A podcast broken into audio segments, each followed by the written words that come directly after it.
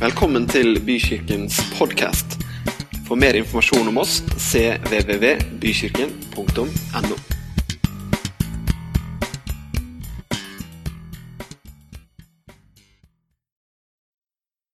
Og så har jeg lært at man skal be før man skal preke, så vi takker deg, Herre, for at du er her. Der hvor du er, der er det godt å være.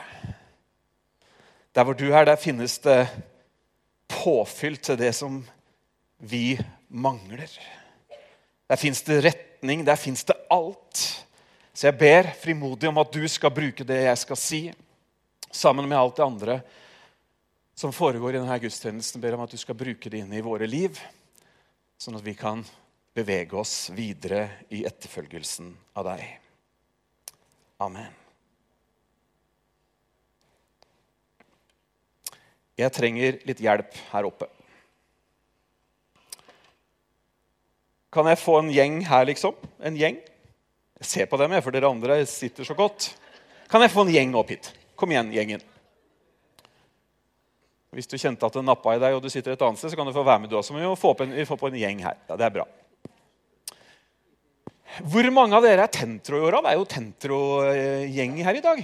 Der, der, der, ja. Er det noen flere som har skjult seg et eller annet sted? Nei, veldig bra. Her har vi en gjeng, og eh, dere står så pent på rekke. Men Lukas, kan du komme hit? Og så må dere, dere er ikke gjeng nå, nå er dere rekke. Dere må stå en liten sånn mølje der borte. Og sorry, men nå er dere bare de andre. Si de andre. De andre. Og her står gullgutten. Her står favoritten framfor noen favoritter. Han heter Lukas og er en kjernekar. Stemmer ikke det? Sikkert. Ifølge meg, ja. Og jeg veit ganske mye, skal jeg si det. Så det er nesten så jeg kanskje trenger en sånn mikk i tilfelle Lukas skal si noen utvalgte ord. Dere, det vet han ikke, men det vet, det vet jeg. Den var det lyd på. Jeg har nemlig lyst til å snakke til dere i dag om eh, Altså For det første så har jeg bare lyst til å si at den arenaen du er på akkurat nå, her i kirka, den er unik på samfunnsnivå. Hvilke andre arenaer bringer alle generasjoner sammen opptil flere ganger i uka? Og ikke bare er de i samme hus, men de samhandler. De er sammen, spiser sammen, ber sammen, synger sammen osv. Det er bare kirka som gjør det på denne måten. Har du tenkt på det? Så du er, du er en del av noe helt fantastisk. Så du kan liksom heve hodet ditt bare av den grunn. Eh, eh, men det er ikke det som er temaet i dag. Men i dag har jeg lyst til å snakke om det å se hverandre med Guds øyne. Men da må vi først snakke litt om hvordan Gud ser. For Hvis vi skal klare å se gjennom hans øyne, så må vi vite noe om hvordan han ser. ikke sant? Eline er smart, hun har skjønt det for lenge siden. Og du skjønner at Gud han har sikkert flere enn det, men nå skal jeg snakke om to perspektiv som Gud har, som er veldig sentrert rundt ditt liv. Ok? Det handler ikke om Lukas bare nå, men det handler om deg. Det første er det første perspektivet i Guds syn, i Guds øye, det er deg, Lukas. Er ikke det fantastisk? Nå kan du få mikrofonen, for jeg er spent på hva som kommer ut.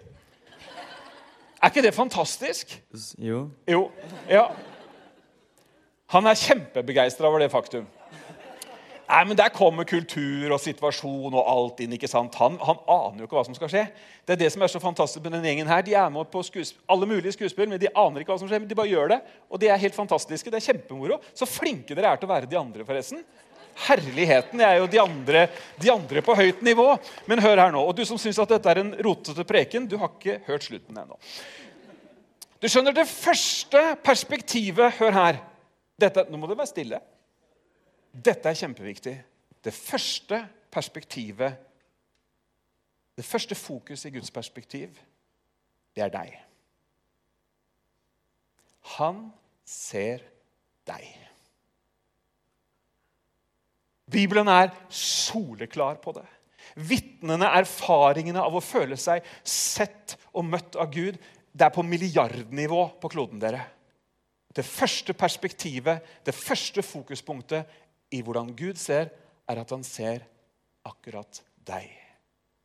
Og nå er det Lukas som er eksempelet på dette. Han ser på Lukas, og så tenker han For, for en prestasjon, tenker han. Jeg har skapt denne fyren. Så fin.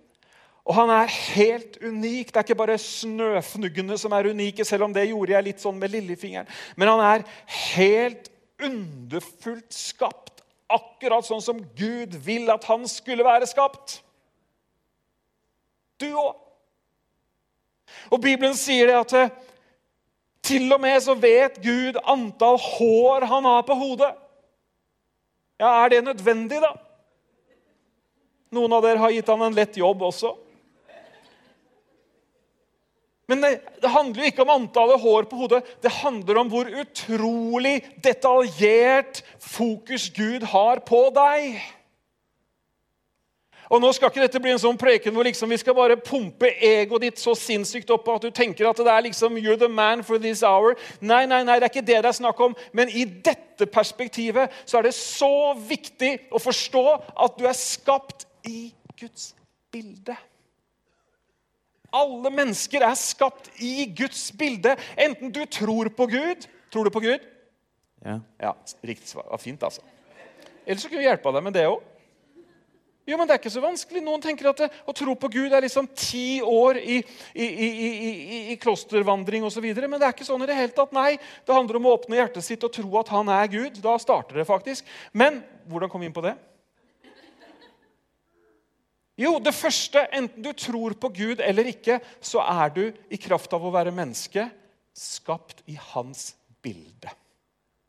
Det betyr at bildet av deg har en match som heter Gud. Bildet, den du er, passer sammen som to hender passer sammen. Passer sammen med hverandre. Og menneskets hjerte, hør her, finner ikke ro før det finner Gud. Menneskets liv handler i stor grad om å finne erstatninger for den der lengselen som alle mennesker har. Fordi at du er skapt i Guds bilde, så er det noe i deg som har et behov, et, et rom, en plass om du vil, som det bare er én annen som kan fylle, og det er Gud. Derfor så sier Bibelen det rett ut. Evigheten, samfunnet med meg, himmelen, ligger der hos alle mennesker. Hos den sterkeste ateist, hos den, hos den mest eh, proklamerte, det ene eller det andre. That's how it is. Og så er livet ulikt, og noen ganger så har vi liv som er så stappa fulle at vi rekker nesten ikke engang å kjenne på lengselen. Men mange møter den på et eller annet sted i livet Enten ved å høre om den sånn som nå, eller ved at livets omstendigheter treffer på en sånn måte. Men Guds første fokus, det er deg. Det er fantastisk. Bibelen sier at han har en plan med livet. Bibelen sier at han, at han er født med en hensikt. Og ikke nok med det at han har skapt oss, han kjenner oss også. Han vet akkurat hva han der driver med når ingen andre ser den. Slapp av, jeg har ikke hatt noen hemmelige kameraer på rommet ditt. eller et eller annet sånt.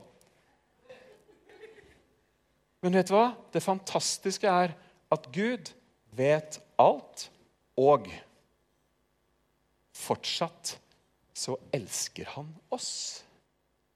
Det er jo helt fantastisk. Det at han vet hvor mange ting vi går på trynet i. Det at han vet hvor mange ting vi veit at vi har gått feil. Vi veit det ene og det andre. Det spiller ingen rolle. Han elsker deg uansett. Hørte du hva jeg sa? Han elsker deg uansett. Til tross for at det er sånn, så vil han gi deg sitt beste. Til tross for at det er sånn, så elsker han deg. Han vil gi deg gaver. Han elsker deg. Punktum. Ja, men Ja, men Ja, men det da, det da, det da. Poenget er at Gud ser på deg og tenker 'Jeg elsker den gutten'. Gud ser på deg og tenker 'Jeg elsker den dama'. Bibelen er full av sånne uttrykk som f.eks.: For, for så høyt har Gud elsket verden. Var det fordi at eh, verden hadde vist seg endelig perfekt og tatt seg sammen og skapt en verdensordning og en religion som gjorde at nå hadde menneskene kontroll? Nei, på ingen måte. Men så høyt har Gud elsket verden, og da er du inkludert. Fokuset er på deg, at han ga sin sønn den eneste. Et annet sted så står det Se hvilken kjærlighet Faderen har elsket oss med. At vi får kalles Guds barn. Det ligger en erkjennelse i at det, og selv om det her er en veldig bra kar, så er han faktisk ikke perfekt. altså. Har jeg hørt? Nei, jeg har ikke hørt det. altså. Men jeg bare kan tenke det, for jeg, vært, eh, jeg er også et menneske, sånn som deg. Syns du jeg er perfekt? Dessverre ikke. Det var et ærlig svar. da. Vi liker jo ærlige svar. Ja, dessverre ikke. Sikkert noen andre også som kan skrive under på det at jeg ikke er perfekt. For det er jeg ikke. Men vet du hva? Gud, han elsker meg allikevel. Og han elsker også Lukas allikevel. Bibelen sier mye om dette. Og vet du hva? Det at Bibelen sier mye om dette, det er gitt oss. De ordene er gitt oss på en sånn måte at vi skal bli sikre virkelig på at Gud elsker oss. Ja, men elsker, ja, elsker han meg mer hvis jeg leser Bibelen? Nei, på ingen måte. Han elsker deg akkurat like mye hvis ikke du leser Bibelen i det hele tatt. Men poenget er at hvis du leser Bibelen og bruker tid med Gud, så vil du få det inn i din bevissthet og inn i ditt indre at du faktisk er elsket. Og hva skjer da? Da påvirkes jo livet av det. Ikke sant? Det er jo det det dreier seg om. Det er jo ikke hvor mange kapitler du kan, kan gjøre unna, men du kan få vite at du, han er faktisk for deg og elsker deg. Du kan egentlig bare få lov til å stå der for at de skal huske at det var det første fokuset. Du er jo en del av gjengen. Men du skjønner at det, Gud har også et annet fokus som er viktig for deg. Og når jeg sier deg, så peker jeg på Lukas nå, for, for, egentlig for alle oss andre. Og det er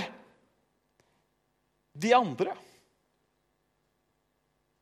Altså, Gud har noen andre mennesker rundt oss som han har ment at du og jeg skal fungere sammen med på en sånn måte at de betyr noe for oss.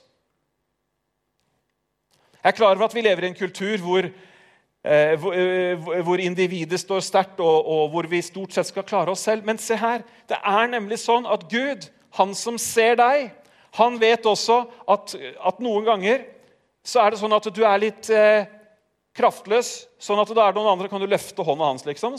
Løft hånda hans, og så prøver du å presse hånda ned. Ja! Selv liksom når alt peker nedover, så finnes det noen som faktisk kan holde han oppe. Eh, og, så, og, så, vet han f.eks. at plutselig så er det en eller annen ting Eline, kan du komme her?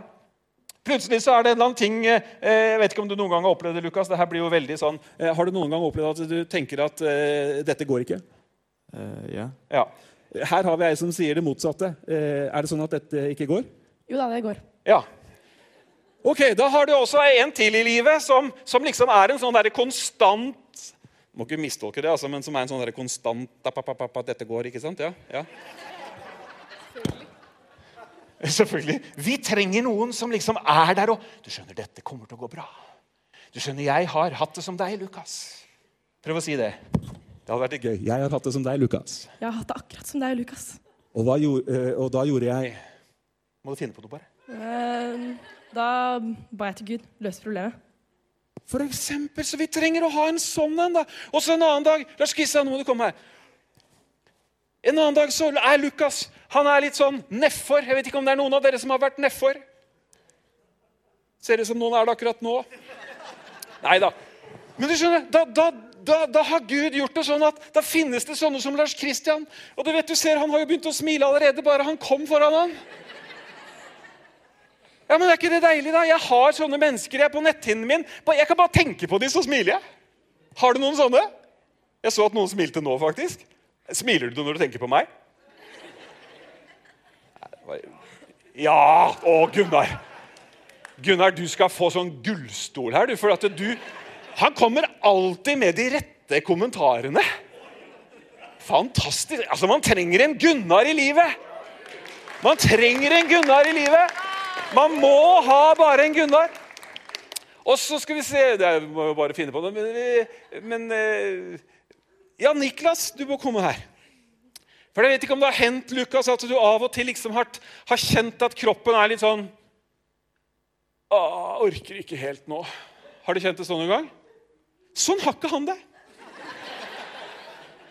Han har så uforskamma mye energi. At vi har, ja, ikke sant? Du ser det jo på han. Det er like før han står på hendene her. Altså, det, det har dere sett noen ganger. ikke sant? Da trenger man å ha en sånn i livet. Skjønner du litt av Guds perspektiv? Han ser deg, elsker deg, du er fantastisk. Men så har han skapt oss på en sånn måte at vi faktisk trenger noen andre i livet. Har dere lyst til å gjøre et eller annet òg, eller? De andre? Ja, Har dere noe forslag, da? Det er spennende, da. Ja, du, hva, hva kan, hva kan, du, dette er jo lillebroren til Lukas. da. Han er skikkelig fin fyr. Hva kan, hva kan du bidra med? eh, Hva kan du hjelpe han med? Spille med han. Spille med han! da. Alle trenger noen å spille med!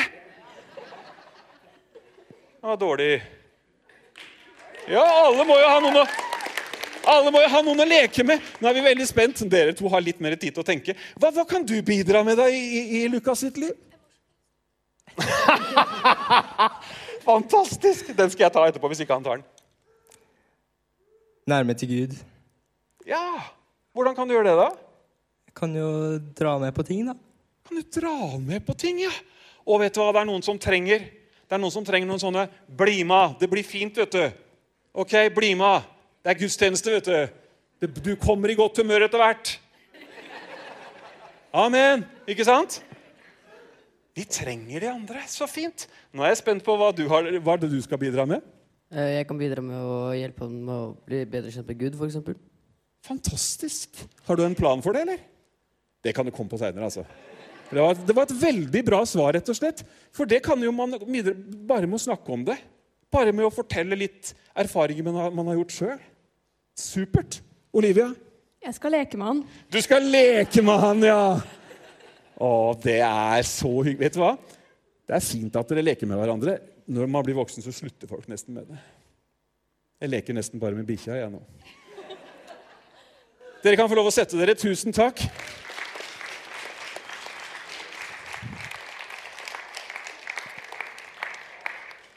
Du skjønner det at eh, Adam, det første mennesket Samuel, kan ikke du komme og være Adam?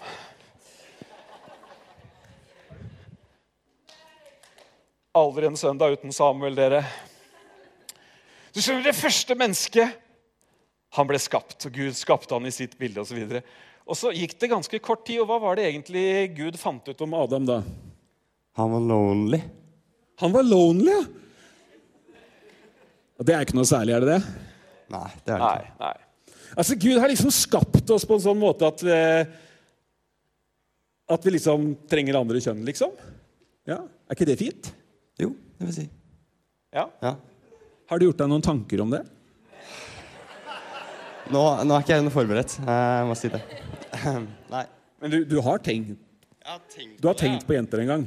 Ja, en eller annen, ja, en eller annen gang. Ja, ja, ja. En stund siden, kanskje? Kanskje i går. Ok. Men du skjønner det at det, det, var jo, det er jo så tydelig helt fra skapningen, for at Gud skaper jo Adam. ikke sant? Og så skjønner han at det funker jo ikke for fyren aleine. Det gjør det ikke for deg heller. Enn så lenge så gjør moderen en del, er det ikke sånn? Eller? Det stemmer, vet du. Ja. Det stemmer. Takk skal du ha, Adam. Ja. Du skjønner at vi er nemlig vi er nemlig ment for å funke sammen med noen andre. Likevel så er det liksom knuter på tråden i det å fungere sammen med andre som forårsaker så mange vanskelige ting i livene våre. Ikke sant? Alt fra slåsskamp i skolegården til eh, fight i nabolaget osv. osv. Men du skjønner, Gud han har skapt oss til å fungere sammen. Du har en familie. Det trenger du. Du har noen venner. Det trenger du. Du har kollegaer. Og ikke minst har du menigheten, kirka di. Og Jesus han var jo en som hele tiden var sammen med andre mennesker. Han var også helt aleine mange ganger. Det står mange steder i Bibelen om at han gikk avsides for å være for seg selv og for å være sammen med, med sin far. Men hør på denne historien. Det var en gang Jesus var ute på en av sine mange reiser. Han kom til Jeriko. Og der var det en fyr som hadde utrolig lyst til å møte Jesus. Poenget var bare at han kunne egentlig ikke bevege seg veldig mye utendørs uten at han fikk noen skulende blikk, uten at han fikk noen kommentarer slengt etter seg osv. Sakkeus het han. Og så var det en dag han hørte da, om at nå er faktisk han der Jesus, som ryktet har gått om i mange måneder, nå er han på vei hit. Og så tenkte han dette er min mulighet. Nå må jeg i hvert fall få et glimt av Men han hadde en ting eh, ved, sin, eh, ved, ved sitt ytre som gjorde at det var faktisk ikke så lett, for han var himla liten. Han var faktisk så liten at det nytta ikke hvis han ble stående bakerst. Sånn at han tenkte vet du hva, hvis Jesusopptoget går den gata her, da er han nødt til å fortsette litt videre ned den gata der, fordi det er først da han kan ta til høyre eller venstre. Så han løper i forkant, og så klatrer han opp i et tre. Jeg tror at Sakkeus har tenkt å sitte i det treet og i hvert fall få et glimt av hva folk snakker om.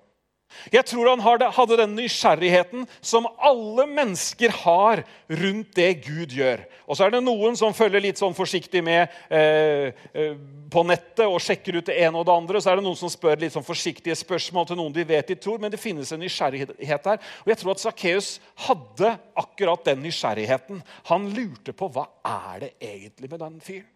Og for å spole litt tilbake til det jeg sa i stad Han hadde nok også en lengsel der inne. Kanskje han ikke var klar over den sjøl, men det fins noe der inne som, som, bare helt uten ord omtrent skjønner at det er noe med han der Jesus. Så der sitter han oppi dette treet, passer bra dekt og tenker at nå får jeg i hvert fall sett han som alle snakker om. Men hva er det som skjer når Jesus kommer forbi? Jo, Jesus han er Gud, ikke sant? så han vet jo alle ting. Så han vet jo på forhånd. Han har sikkert liksom hørt en stemme inni seg si at vet du hva, når du går nedover den gata der, så sitter en liten toller oppi treet. Han er rimelig klar for å bli litt bedre kjent med deg. Så han stopper, og så ser han opp i treet, og så sier han Sakkeus. Han sier til og med navnet hans. Åssen er det mulig? Han er Gud. Bibelen sier han kjenner deg ved navn. Han vet akkurat hvem du er. Han vet akkurat hvordan du har det. Han vet absolutt alle ting. Og så sier han, 'Sakkeus, skynd deg ned.' Det står faktisk i Bibelen Jesus ser opp, fester blikket og sier, 'Sakkeus, skynd deg og kom ned, for jeg vil besøke deg i dag.' Hvor mange tror at Sakkeus skyndte seg ned? Det står faktisk at han skyndte seg ned. Jeg tror han bare hoppa ned rett og slett. Jeg tror ikke han tenkte på hvor er greinene i forhold til sandalen. Jeg tror han bare liksom slapp taket og deisa ned på fortauet. For det står at han skyndte seg. Og så skal vi lese sammen fra Lukas 19,7. Og du får det der. Da var det noen som begynte å klage og si Tenk at han går på besøk til et så dårlig menneske. En syndig mann. Men Sakkeus reiste seg det er derfor jeg tror at han hoppa ned. Jeg tror at han ned, og så Da detter man litt ned, og så reiste han seg opp. Men han reiste seg og sa til Jesus, 'Herre, jeg vil gi halvparten av alt jeg eier, til de fattige.' 'Hvis jeg har tatt for mye skatt fra noen, vil jeg gi fire ganger, tilba fire ganger, tilbake fire ganger så mye.' Da sa Jesus til ham, 'I dag har Guds nåde og velsignelse kommet til dette huset.' Det er tydelig at du har blitt frelst, Sakkeus, og nå viser du deg som en sann sønn av Abraham, stamfaren vår. ikke sant? Menneskesønnen kom jo, å, kom jo nettopp for å finne og frelse dem som var fortapt. Se hverandre med Guds øyne. Jesus så Sakkeus på en måte som ikke de andre så han i det hele tatt.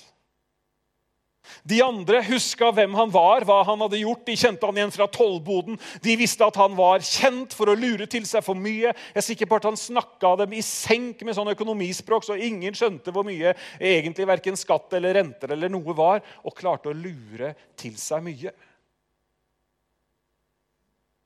Menneskene så han med på én måte, mens Gud Jesus så han på en helt annen måte. Jesus ser forbi alt det andre. Han ser forbi det ytre. Han ser forbi liksom recent history. Han ser forbi alt det som har skjedd. Og så ser han helt inn i hjertet.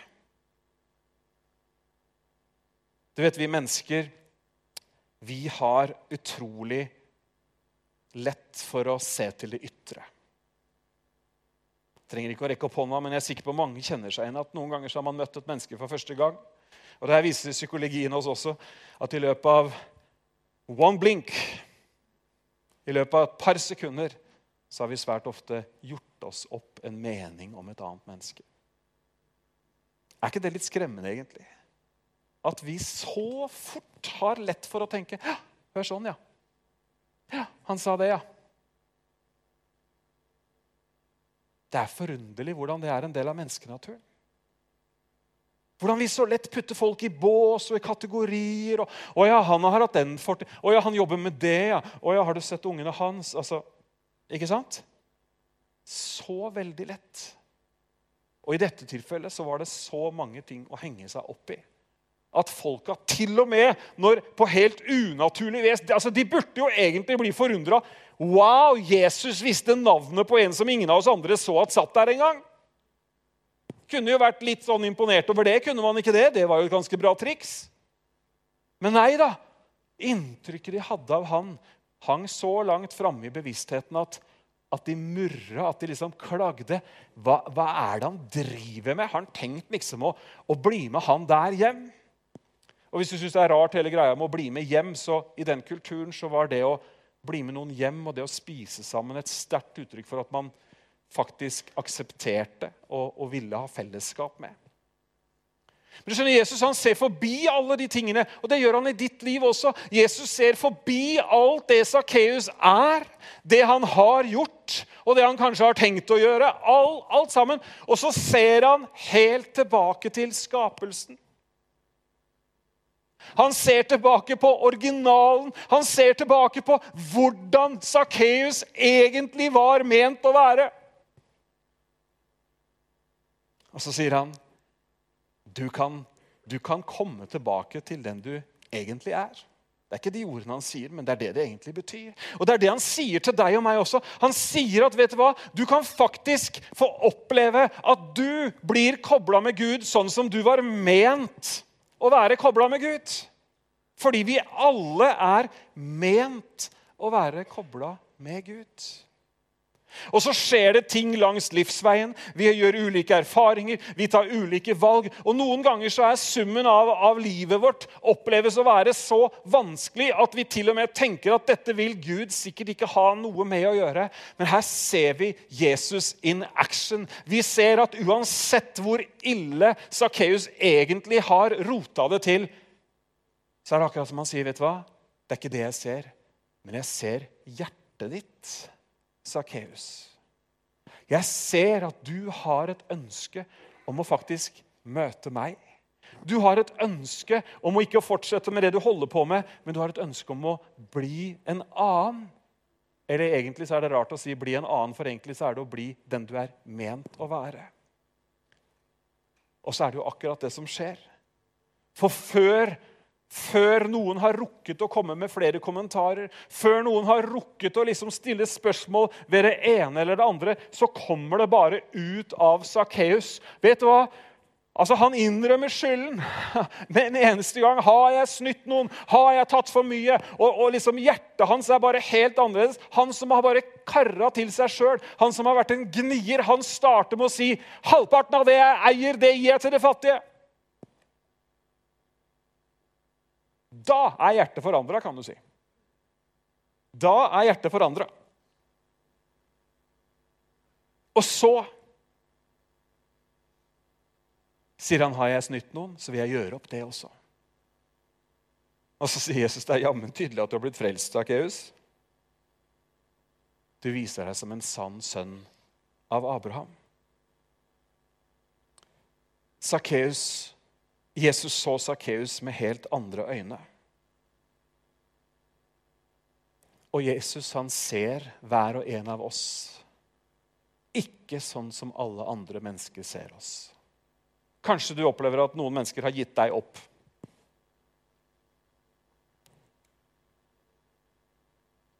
Kanskje du tenker at dette, nei, sånn blei det, og sånn får det bare være. Men han ser forbi det. Hvordan skal vi se hverandre, da? Hvordan skal vi For én ting er jo liksom at Jesus klarer dette her, men Bibelen er jo så tydelig på at fellesskapet mellom de troende skal være av samme kaliber. At vi hører sammen. Og jeg skal lese et, noen vers som står i 1. Korinterbrev 12. Paulus, den store apostelen, han ønsker virkelig at menigheten skal skjønne hvordan vi er ment å fungere sammen. Og Jeg skal lese hele teksten nå, og du kan følge med på skjermen.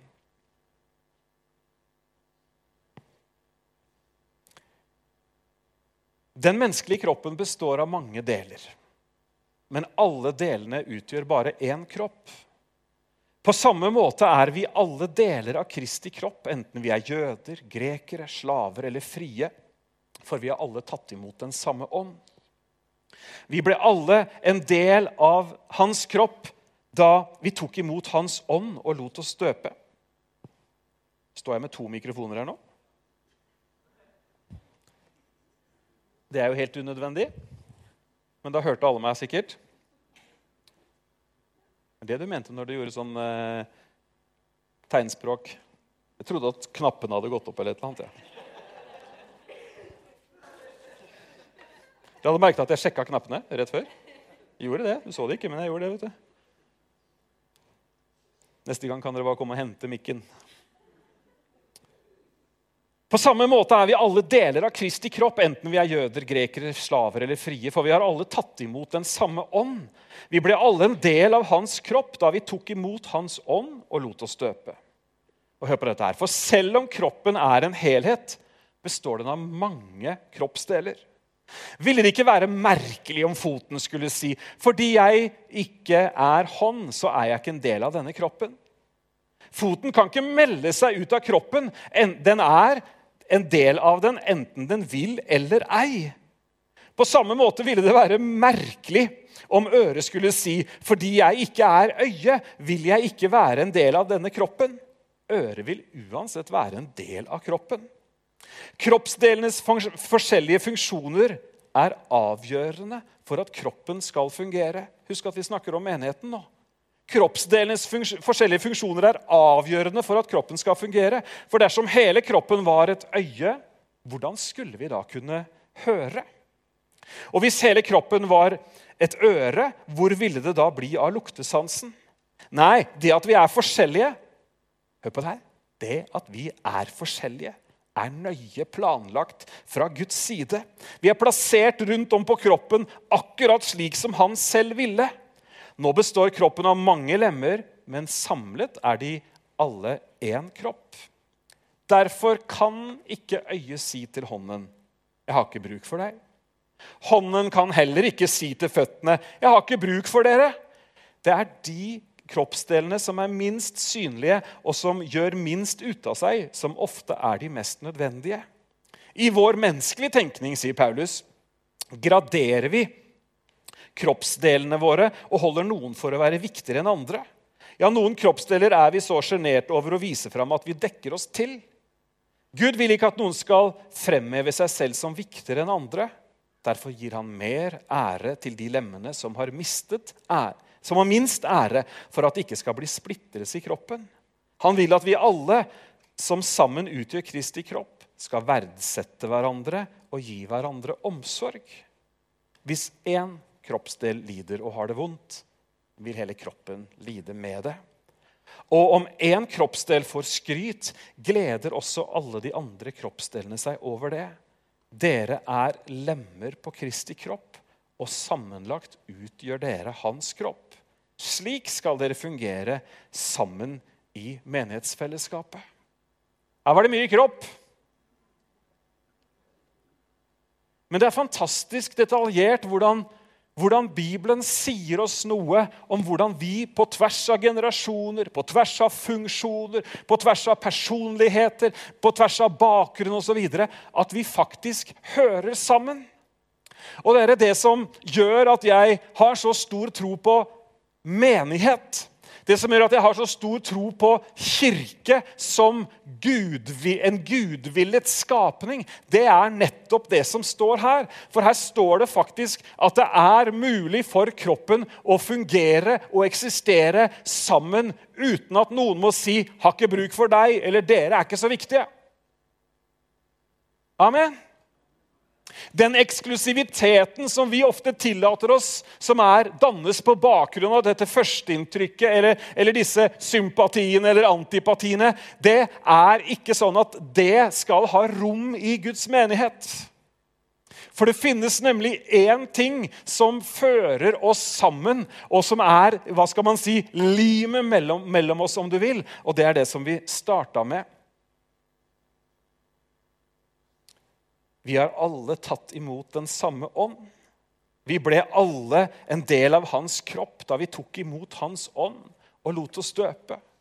I en annen oversettelse står det vi har alle fått én ånd å drikke. David snakka så fint forrige søndag om den funksjonen Den hellige ånds olje har iblant oss når vi slipper den til.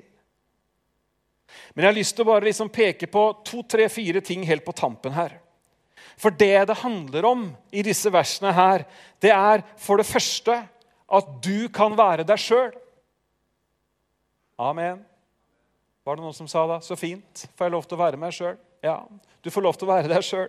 Fordi at du representerer én, ett lem på kroppen. Du representerer én person. Men det er noe som er tydelig i denne teksten, at det handler om at du skal være deg sjøl, og så skal du gi andre plass.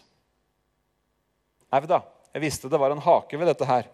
Jeg kunne ikke bare være meg sjøl. Altså. Nei, det handler om at vi må gi hverandre plass. Det handler om å se at andre også har noe å bidra med. Det handler om å se til og med at noe du tenker kanskje er unødvendig, at det er kjempenødvendig for helheten. Og når jeg ser ut her nå, så uh, har jeg liksom ikke Jeg visste jo ikke hvem som kom, men altså, jeg ser jo så mange ulike personligheter og personer og, og, og funksjoner i rommet her. Men det er jo takk og pris ingen konkurranse. Det er en enhet, og det er en helhet. Og det går an, tror jeg, i 2023, i individets høyborg i en egosentrert tid hvor vi liksom egentlig bare dyttes, uh, fores fulle av liksom uh, gjør det som er best for deg selv, og tenk på deg selv, så finnes det faktisk altså en helt annen tanke. Jeg kan være meg selv, og så kan jeg gi rom for andre. Og så kan vi leve i en forståelse av at Gud, han elsker meg, jeg er unik, og at jeg trenger noen andre. Jeg tror at vi skal få være betydningsfulle mennesker i hverandres liv på et nytt nivå i tiden som kommer framover. At vi som kirke skal få bety noe for hverandre som ikke handler om at vi bare møter opp samme sted søndag etter søndag og, vet ca. hvem vi er, men at vi faktisk skal i småfellesskapene, i de møtepunktene vi har osv., våge å ta ett steg nærmere hverandre, sånn at vi kan bety noe for hverandre. Amen. Og så er jeg veldig glad for det som står her om at det står at Gud har plassert lemmene på kroppen sånn som han vil ha det. Hvis du ser for deg et orkester har du lagt merke til at eh, de store paukene de står ikke på første rad? Har du lagt merke til det? De svære buldrekassene de, Her har vi det her også. Paukene. Lovsyng Herren med pauke og symbal, står det i salmene. Det står der. Og så står pikkolofløyta der. Og så står det noen andre instrumenter her, og så er det en som har plassert orkesteret på en sånn måte i forhold til hverandre som gjør at det som kommer ut, det høres ut som den enheten som skal komme ut. Amen. Det er en dirigent som har liksom lagt opp løpet. og Derfor så sier Bibelen også at vi skal og jeg vet at det her er liksom ikke søndagsprekenen du har hørt flest av, men Bibelen sier at vi skal underordne oss hverandre i kjærlighet. Bibelen sier at ikke vi skal sette oss over hverandre. Bibelen, Bibelen snakker om en holdning til oss andre, akkurat som lemmene på kroppen må ha en holdning til hverandre. Jeg kjenner en som eh, for noen år siden fikk et nytt organ.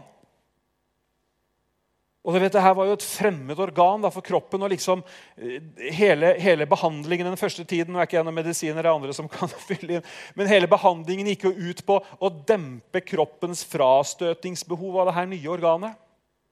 Fordi at det finnes en enhet i kroppen. ikke sant?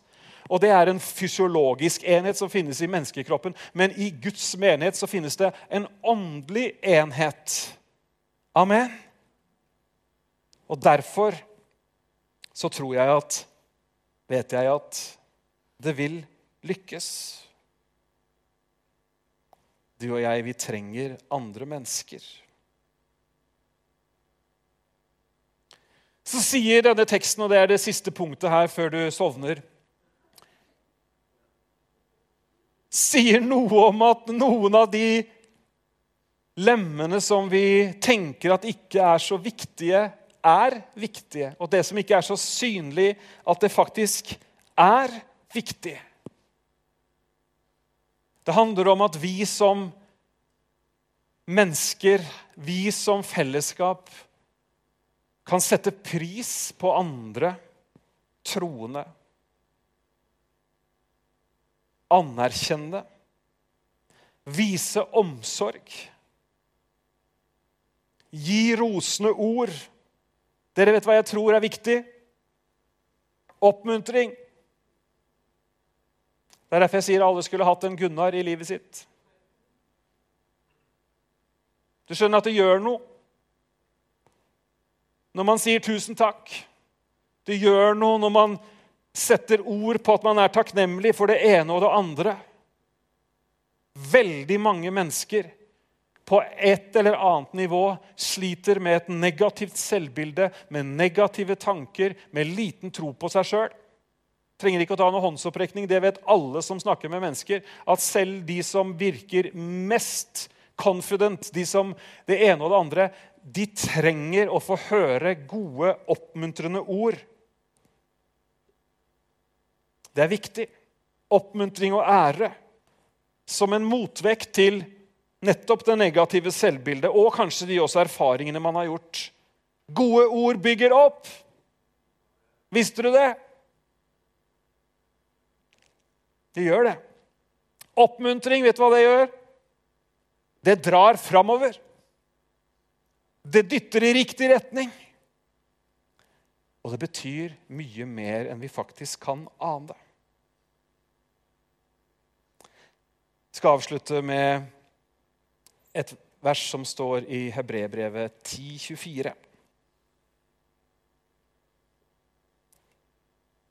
La oss se hverandre sånn som Gud ser på oss. Unike, verdifulle, ment å være på plass. Så bra dere kan komme og gjøre dere klare. Hebrebrevet 10, 24, og jeg leser fra Hverdagsbibelen. La oss skal vi se, Du skal få det der også, tenker jeg.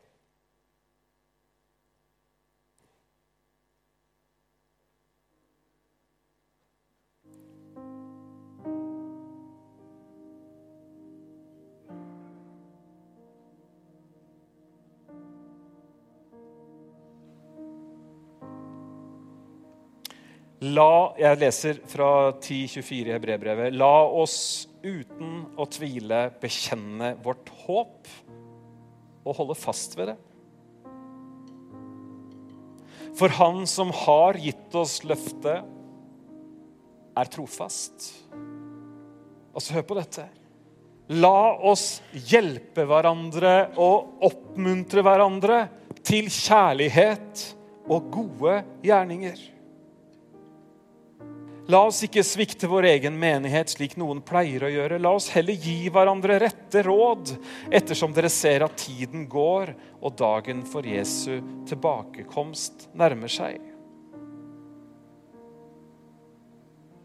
La oss hjelpe hverandre og oppmuntre hverandre til kjærlighet og gode gjerninger.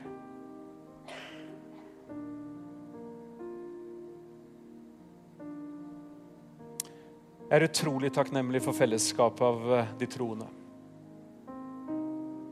Utrolig glad for at Gud så inderlig vel vet hvordan vi funker, og vet at vi kan få bety noe for hverandre.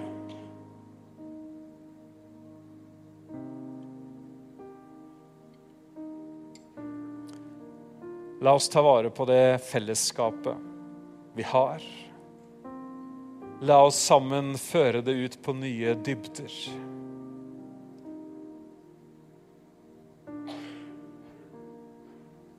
Jesus møtte kvinnen ved brønnen.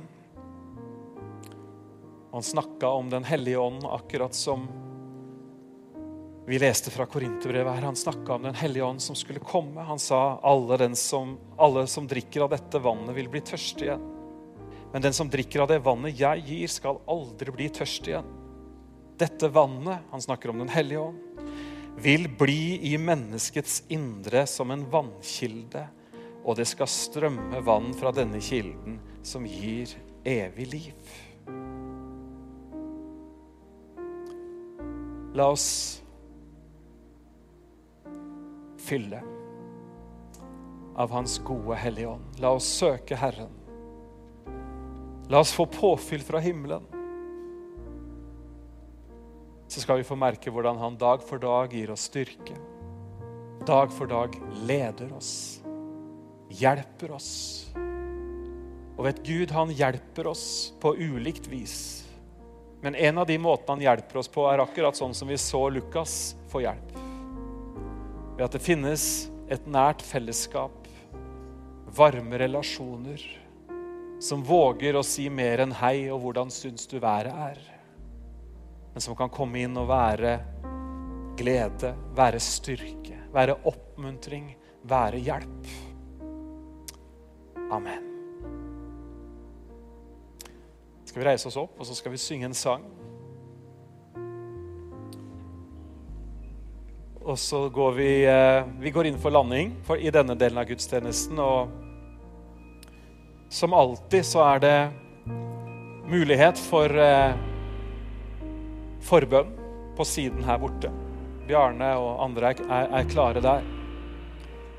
Hvis det er noe av det som vi eh, har snakka om i dag, som du kanskje tenker at treffer deg på en spesiell måte Kanskje du ikke har tatt imot Jesus som som din frelser og Herre. Du kan gjøre det i dag. Du kan la den indre uroen eller lengselen Du kan sette ulike ord på det, men du kan la den få møtes.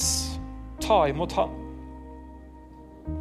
Hvis du trenger forbønn fordi du har smerter eller plager i kroppen din osv., så, videre, så tar vi en stund nå sammen hvor vi bevarer roen, og så søker vi Gud. Enten vi sitter eller står der hvor vi er, eller vi ber om at noen skal be for oss.